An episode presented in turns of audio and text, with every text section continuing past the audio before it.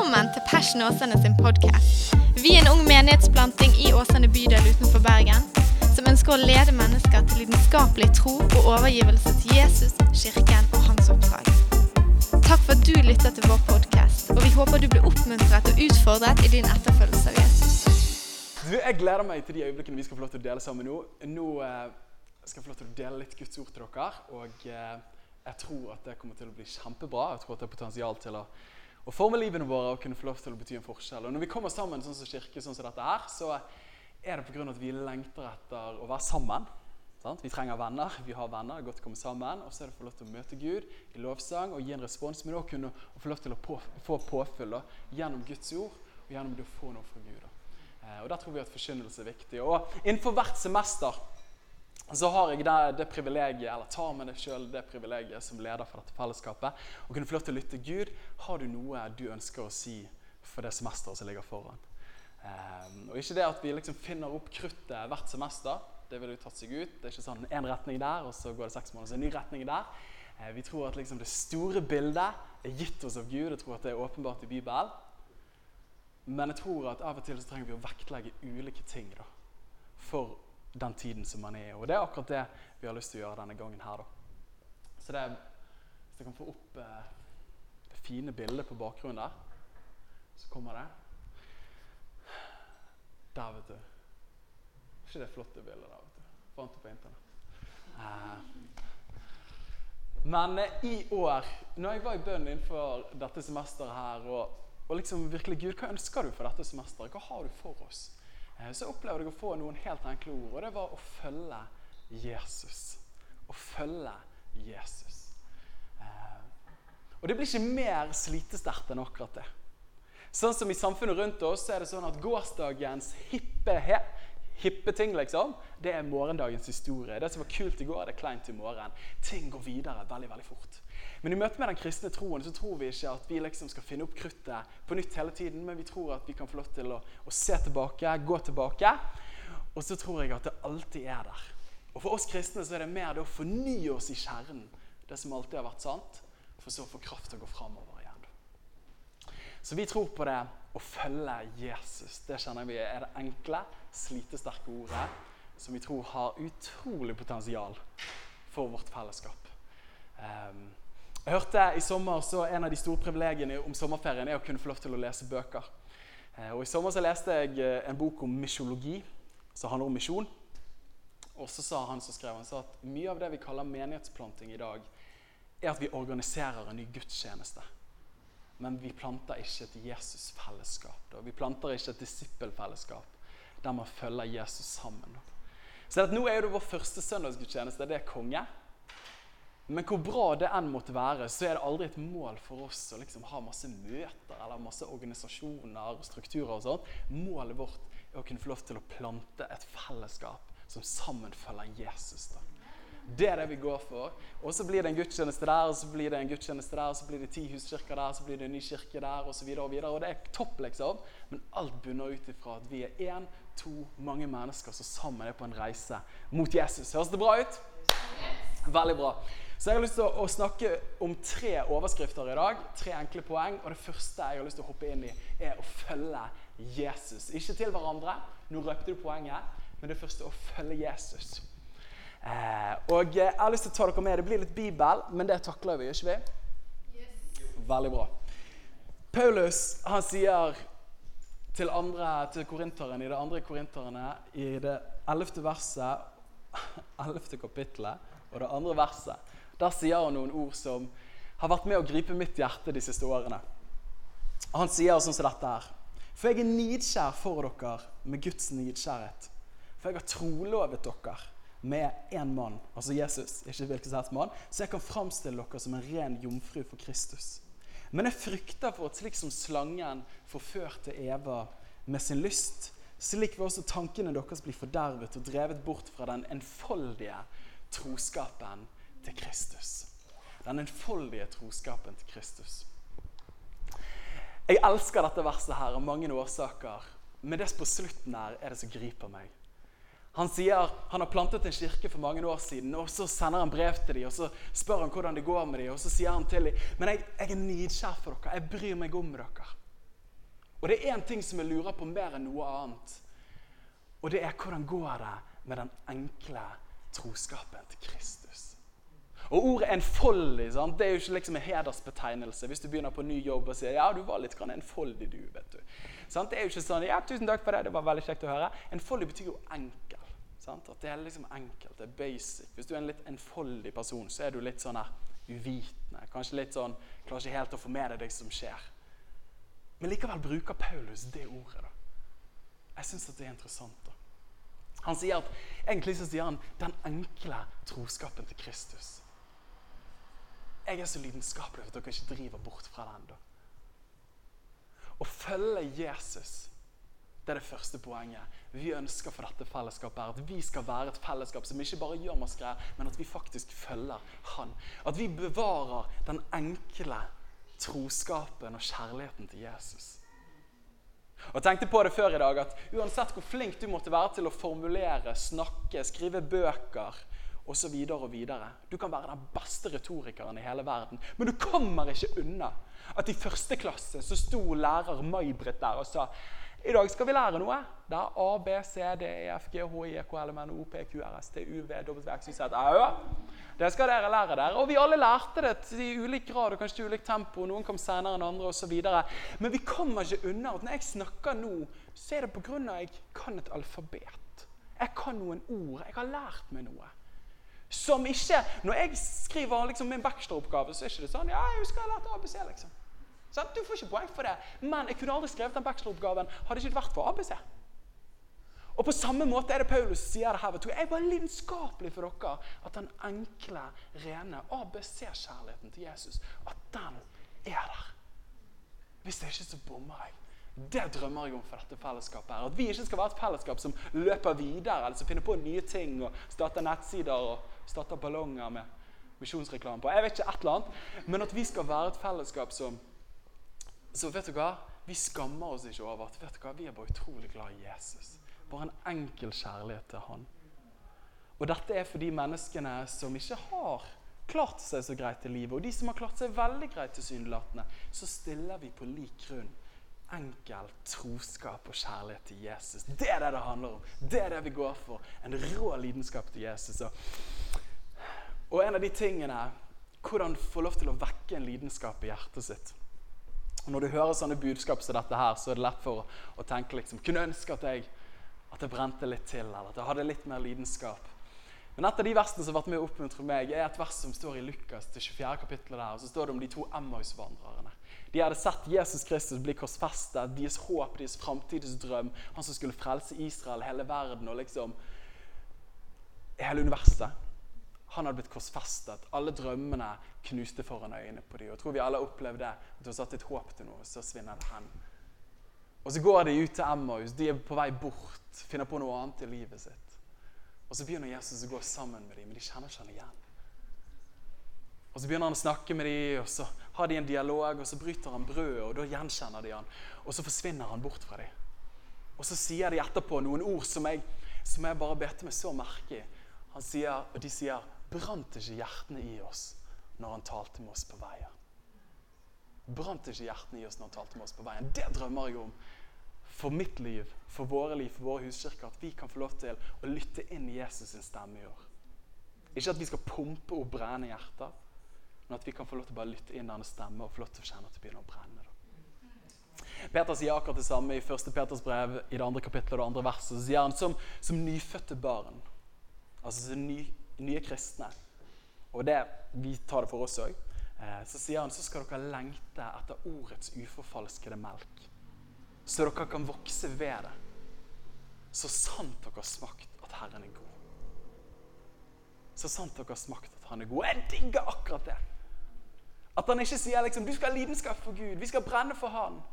Bare pump det opp. Nei, nei, nei. Han sier det er en naturlig frukt at du har lidenskap for Jesus hvis du smaker at han er god. Hvis du kjenner at han er god. Hvis du tar imot det, så begynner du å lengte. Jeg drømmer om at passion det ligger i ordet vårt. Passion, lidenskap. At vi skal være hissige etter Gud. vet du, sant? At vi skal bare brenne. Men det er ikke noe vi skaper sjøl. Jeg tenker Jo mer vi elsker Han, jo mer har vi latt oss elske av Han. Hører hans stemme, hjertene brenner. Vi begynner å lengte når vi smaker han er god, osv. Så, så det første poeng, poenget er å følge Jesus. Eh, måtte vi være sånne mennesker som følger han og har en hel Jesus-etterfølgelse. Ikke bare når man er i kirken, og dette er klassisk liksom, hvis du har vokst opp på ungdomsmøte. Du skal ikke bare følge Jesus på fredager eller på onsdager, men du skal følge han hele tiden. Eh, men å kunne få lov til å leve sånn Jesus-etterfølgelse for hver dag. At når du står opp om morgenen, så følger du Jesus. Når du går på jobben, så har du en annen attitude over deg. At når du er med barna dine, så ser du storhet og ikke bare øyeblikket. At vi følger Jesus med hele livene våre. Jeg lengter etter deg. Og I sommer så satt jeg en dag og hadde litt sånn her, du vet de øyeblikkene av og til der du, der du får litt sånn aha-øyeblikk. da.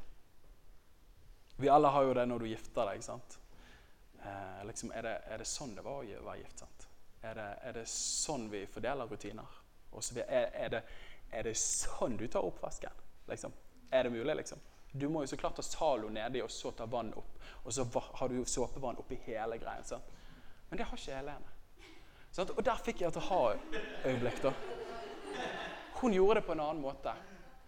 Men i sommer så hadde jeg et sånt aha-øyeblikk. Jeg satt og leste i Bibelen, jeg satt og leste i Romerne 12. Og der er det en sånn, Paulus han, bare, han er metraljøs av og til. Det virker som han får The Holy Ghost over seg, og så er det shabba-dabba-du, liksom, og så bare skriver han superfort. Og så kan man liksom ikke være treg og vis iver. Be utholdende. liksom. Vær tålmodig i trengsel. Vær fast utholdende i håp. Og så videre. Bam, bam, bam, bam. Og så leser jeg alle de påbudene der og så tenker jeg på sånn, kjære gode Gud, dette er bra. Dette skulle noen andre hørt. liksom. Så dette er knallbra. Og så lukker jeg Bibelen og så bare tenker jeg, jeg leser tre kapitler for i dag. Og så slår det meg, da. Hva i huleste er det jeg holder på med? liksom? Er det en sånn bibelmemoreringskonkurranse som jeg har med meg sjøl. At når jeg blir 70-80 år, så kan jeg få lov til å sitte der. Bare, bare, nå skal dere høre, Jeg kan Romerne 12 utenat. Så det er jo ikke målet mitt, det. Og så slår det meg at så mye jeg har hørt og eksponert meg for, men så lite av det som er synlig i livet mitt. Og så ble det en sånn opplevelse. Jeg husker jeg gikk tur med mamma på kvelden. og så bare sa Hva har det seg at vi leser vi underviser og vi snakker, men vi lever jo ikke greiene? Og der kjenner jeg det hjertesukket for vårt fellesskap. Måtte vi være et sånt fellesskap. Som ikke først og fremst folk sier bare sånn Shoot, de kan så mye Bibel at det er crazy. liksom. De hadde vunnet sånne, sånne IQ-konkurranser. Det, nei, men det Hvor mye kulere er ikke det å kunne få lov til å høre? Vet du hva, De folka der Når jeg leser om Jesus, de ligner på han på måten de lever på. At de ikke bare kan de greiene. Jeg vet ikke om de kan så mye. Noen de kan knapt alfabet, men det kan de. Men de lever greiene. De er gode mot mennesker. De bryr seg. De ligner. De er walk the talk. Da. Og Det var en som sa det sånn at vi er educated beyond our capacity to obey. Det er veldig bra sagt. Det er English. Og det betyr at vi er utdannet langt forbi vår evne til å være lydige. Jeg ønsker at kanskje mitt kunnskap skal gå litt ned, og at livet mitt skal kunne få lov til å bli litt større. Måtte vi være sånne mennesker. Det andre poenget er å følge Jesus til hverandre. Å følge Jesus til hverandre. Det greske ordet for menighet er eklesia. Før eller siden i din kristne CV så må du lære deg det ordet der. Eklesia det betyr å være kalt ut. Man kalles ut for å være til behag for Gud, og man kalles ut til å bety en forskjell for mennesker i verden. Men man kalles ut sammen. Det er ikke et sololøp. Det er ikke sånn du skal klare det på egen hånd, eller jeg, og jeg klarer det her borte. Men Eklesia kirke er sammen. Det er ikke et du, det er ikke et meg, det er et oss. Og Peter sier noe nydelig her. Han sier i 1. Peters brev, det andre kapittelet og 9. verset, så sier han sånn. Hør på det her. Spiss ørene og bit med og bit dere merke i alle adjektivene som beskriver, beskriver oss. Men dere, altså du og meg, vi er en utvalgt slekt vi er et kongelig presteskap. Det er svulstige ord, vet du. Det er ikke sånn du bruker hver dag. Et hellig folk. Et eiendomsfolk. Så dere skal forkynne Hans underfulle storhet. Han som kalte dere ut av mørket og inn i sitt underfulle lys. Dere som før ikke var et folk, men som nå er Guds folk. Dere som ikke hadde funnet barmhjertighet, men som nå har fått barmhjertighet. Dere elsker det. Jeg formaner dere som fremmede og utlendinger til å avstå fra de kjødelige lyster osv. Hørte dere alle de beskrivelsene som apostel Peter bruker på oss som er Jesus' etterfølgere? Han sier her han sier at vi, har blitt gjort til en ny slekt. Hva betyr det? Jo, vi har blitt, en, vi har blitt familie. Du kan se over på den ved siden av deg og si eh, Du kan si et eller annet, men eh, du er familie. Se over på dem. Altså, det er bror og søster. Vi er familie. Det var et litt rart øyeblikk, men eh, vi er familie. Jeg vet ikke om du har tenkt på det før, men du kan velge dine venner, men du kan ikke velge din familie. Det er fint, vet du. og en person sa til meg en gang kunne jeg valgt min familie, så hadde ikke min familie vært min familie. Men jeg er veldig glad at jeg har min familie, for dette har lært meg til å elske mennesker så ulike meg sjøl. Er ikke det fint? Du og meg, vi, vi kan ikke velge hvem som er familie, men vi er familie. Og det er fantastisk. Vi er en ny slekt. Vi er et kongelig presteskap. Vi er ment til å, å, å, å være i en mellomposisjon mellom mennesker som ikke tror på Gud, og få lov til å lede dem til Han. Vi er et hellig folk. Det er kult. Før du er nordmann, så er du et Guds barn. Så tilhører du Jesus Kristus. Er du etterfølger av han, så er du en kristen. Du er Guds folk og familie, et annerledes folk, en kropp osv. Bibelen bruker mange beskrivelser for å beskrive oss som har begynt å følge Jesus. Men vi skal få lov til å følge Jesus til hverandre. Og i en verden som dyrker det selvstendige individ som skal klare seg sjøl, så tror vi i Passion, så tror vi som Jesus-etterfølgere, at livet gjøres best sammen. At livet gjøres best sammen. Og at det å være sårbar og ha en sunn avhengighet ikke er et tegn på svakhet, men på sann styrke. Tror ikke vi det? Jeg drømmer om et sånt Jesus-fellesskap. Der vi følger Jesus, ikke bare etter han, men til hverandre. Og når jeg studerte sjelesorg en gang i tiden, det var sikkert noen som tenkte jeg trengte det, eh, så sa den ene forfatteren i den ene boken Jeg husker ikke hva hun het, men, men hun sa noe sånn som dette her. Hun sa at mesteparten av profesjonell hjelp da innenfor psykiatrien kunne vært unngått hadde man drevet forebyggende ved at man bare hadde snakket sammen. Er ikke det fantastisk? Hadde man bare snakket sammen, hadde vi bare kommet sammen og latt fasaden falle litt og snakket om de faktiske forholdene bak, så tror jeg mange kunne hatt et mye enklere liv og et lettere liv. Og I et samfunn der vi dyrker den ene sterke, selvstendige personen som klarer seg helt sjøl, så sier Bibelen at det finnes en annen måte å leve på. Det finnes en annen måte å gjøre livet på, nemlig sammen med sin familie. Og Det er det vi er kalt til å være. Å følge Jesus til hverandre. Og følge han til deg og til meg sammen. Og Bibelen bruker flere skildringer. Jeg har bare lyst til å sprette tre vers til dere her.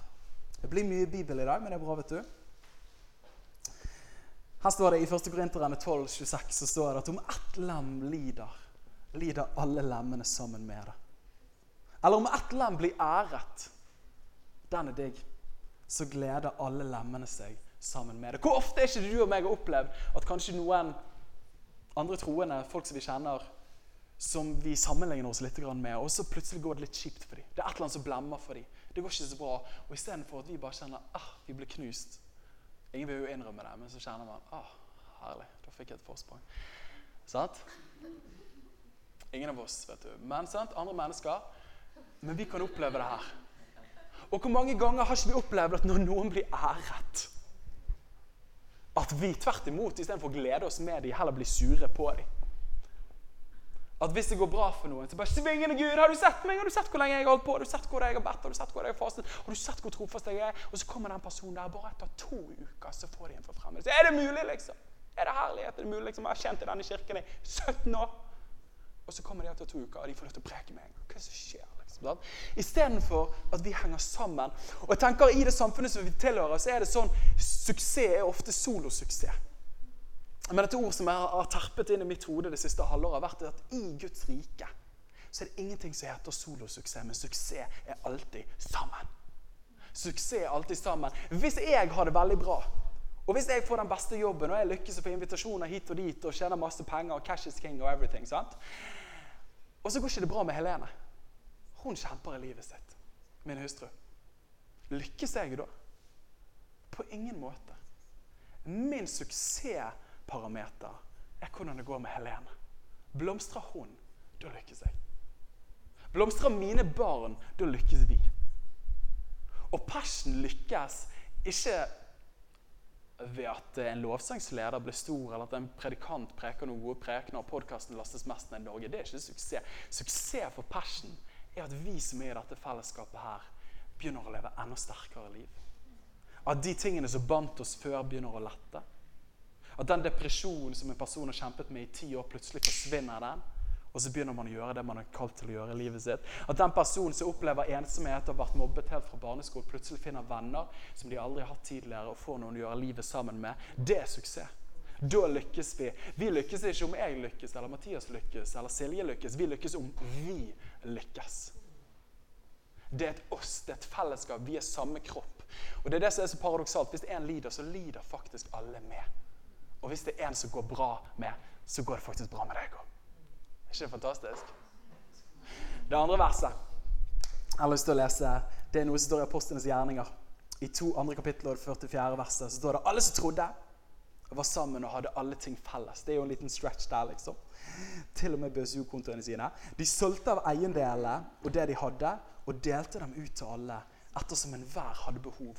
Og Jeg prøver ikke å få frem en eller annen sånn urkristen, utopisk måte å leve på, men det sier noe om hjertet her. At man er mer bevisst at man er en kristen og en etterfølger av Jesus, enn at man er en nordmann og søker å selvrealisere seg sjøl. Det handler om tilhørighet. Og Peter sa det sånn dere som er fremmede og utlendinger. Hva handler det om? Jo, ditt statsborgerskap er i Norge. Men det finnes et statsborgerskap som er enda mer gjelder, og det er i himmelen.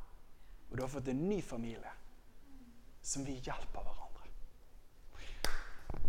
Og Det tredje verset jeg har lyst til å dele, er Galaterne 6,2. Der står det 'bær hverandres byrder', og oppfyll på den måten Kristi lov. Bær hverandres byrder, oppfyll på den måten Kristi lov. Nok en gang, er det en som kjemper, måtte vi bære sammen med hverandre. Hva var det Jesus gjorde? Han bar våre byrder. Og så, når han har tatt våre byrder, så sier han jeg vil at dere skal gjøre det samme for hverandre. Bær byrdene for hverandre og følge Jesus til hverandre. Og jeg, jeg, vet at jeg hadde ikke stått der i dag hadde ikke jeg hatt mennesker i mitt liv som jeg kunne sitte meg ned med, så jeg kunne få lov til å se inn i øynene og si at vet du hva, ting går ikke så veldig bra, egentlig. Kan du høre på meg? Og Mamma sitter her, men mamma er verdens beste sjelesørger. Det har jeg sagt fra jeg var ung. Men hun har betydd vanvittig mye for meg. På samme måte etter hvert som du gifter deg med Helene, eller ikke som du gifter deg med Helene, men jeg er gift med henne, men du gifter deg. Men å følge Jesus til hverandre.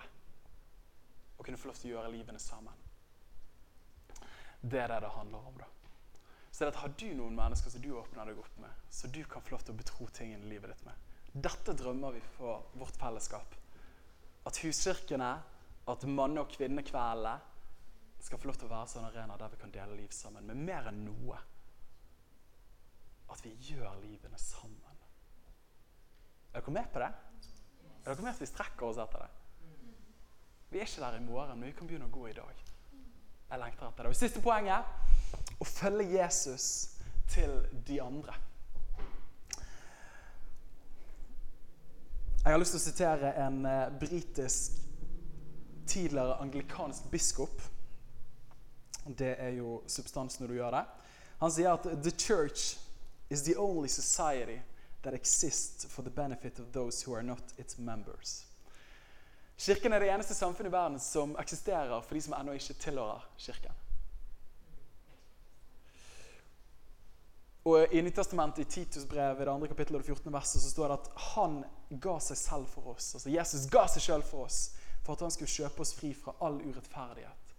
Og rense for seg sjøl et eiendomsfolk, altså et eget folk, som har iver etter å gjøre gode gjerninger. At vi er dette eiendomsfolket. Vi tilhører Gud. Vi er annerledes. Og at vi skal få lov til å gjøre gode gjerninger. To ting som jeg har lyst til å touche på der. Det første er gode gjerninger. I sommer så har jeg studert akkurat dette temaet. her. Vi skal snakke mer om det utover høsten. Mange sier at kristendom ikke handler om gjerninger, det handler om nåde. Ja, det er helt sant. Men når du har møtt nåden, så leder det til gode gjerninger. Akkurat som vi leste i dette verset her. At han renser oss, så vi kan ha iver etter å gjøre gode gjerninger. Og Jesus sier det sånn I Matteus 5 så sier han at, at, at skal, dere skal la lyset skinne for mennesker. Så de kan se de gode gjerningene dere gjør, og prise deres far som er i himmelen. Jeg lengter etter at vi skal være et fellesskap som følger Jesus til de andre. Til de som ennå ikke kjenner han. At gjennom våre gode gjerninger så får de et glimt av Gud. At når du går på butikken, og jeg går på butikken og betaler, så smiler vi ikke på en klein måte. Men vi smiler på en litt sånn Kristus-lik måte. Jeg vet ikke hvordan det er. Vi kan ha en konkurranse. Men vi smiler på en måte, og vi gjør gode gjerninger, så mennesker begynner å få et glimt av Gud gjennom livene vi lever. For det er annerledes. Er dere med på det? Og det andre er Guds gjerninger. Måtte vi òg leve sånne liv der Gud får mulighet til å gripe inn gjennom oss i verden og få lov til å se at det umulige blir mulig fordi Gud er med i regnestykket. Følge Jesus til de andre. Jesus lengter etter verden. Jesus lengter etter mennesker i vår verden. Og jeg er den første til å innrømme at jeg lengter etter oss er utrolig mye mer. At Jesus får berøre folk i min verden. Og det tror jeg vi alle gjør. Men måtte vi ta et nytt stikk, skre, skritt Stikk, skritt Stå. Ja, et eller annet. Måtte vi ta et skritt mot Jesus dette året her. Eh, og helt til slutt så hørte jeg en historie i sommer av en mann som het Paul Scanlon. Han ledet tidligere en av Storbritannias største kirker. Eh, og de var på, Rett før 2000-tallet så var de 700 mennesker på gudstjenestene sine. Det var herlig lovsang, det var god forkynnelse, det var liksom krutt og shabadabadu, og det var kraft. liksom. Og så sa han det, men jeg følte at vi holdt på å dø likevel. Jeg følte at kirken var på vei nedover. Så det de gjorde, det var at de leide inn busser, så kjørte de til welfare-distrikter, type sosialboliger og sånt, og så busset de inn 500 stykker. Det forandra liksom demografien i forsamlingen. Det kunne vært interessant. Eh, og så kommer de der, og det som skjer, er at mange mennesker begynner å få møte Jesus. Ikke liksom sånn, men de begynte å nå ut til mennesker. De begynte å bety en forskjell for mennesker i sin verden. Det som skjedde, det var at 300 av de faste kirkegjengerne sluttet fordi de syntes det var litt for ubehagelig. Eh, men det som skjer i dag, er de 3000 mennesker. Og han sier noe som er så genialt og som jeg synes er utrolig vakkert. og Det gjelder til alle alle oss som er her. Han sa at vi sluttet å tenke at vi skulle bygge kirke. Og så begynte vi å tenke at vi skulle bygge mennesker. Og jeg synes Det er så utrolig bra. Og det som er så fascinerende, er at Jesus aldri sier til disiplene sine jeg ønsker at dere skal plante kirker. liksom. Han sier det aldri. 'Plant en synagoge' liksom, i Nord-Norge. Så Han skriver det aldri, han sier det aldri, men han sier 'gå og gjør disipler'. Gå og finn mennesker og led dem til sterke og store liv i etterfølgelsen av meg. Og så sier Jesus i Matteus 16 sier han, 'Men jeg vil bygge min kirke'. Så vår oppgave er å bygge store mennesker. Å leve liv med litt marger, så vi har plass til de menneskene som kjemper litt ekstra. Bære litt byrder. Feire litt med de som trengs å feires. Gråte litt med de som gråter. Og bygge store mennesker. Og gjør vi det, begynner det å bli et sånt klima i vårt fellesskap, så kommer mennesker til å ønske å være en del av det. Herlig. Du, med det Dette er fokuset for dette semesteret her. Å følge Jesus. Følge Jesus først og fremst følge han til hverandre og følger han til de andre som ennå ikke tror så veldig mye. La oss gjøre det.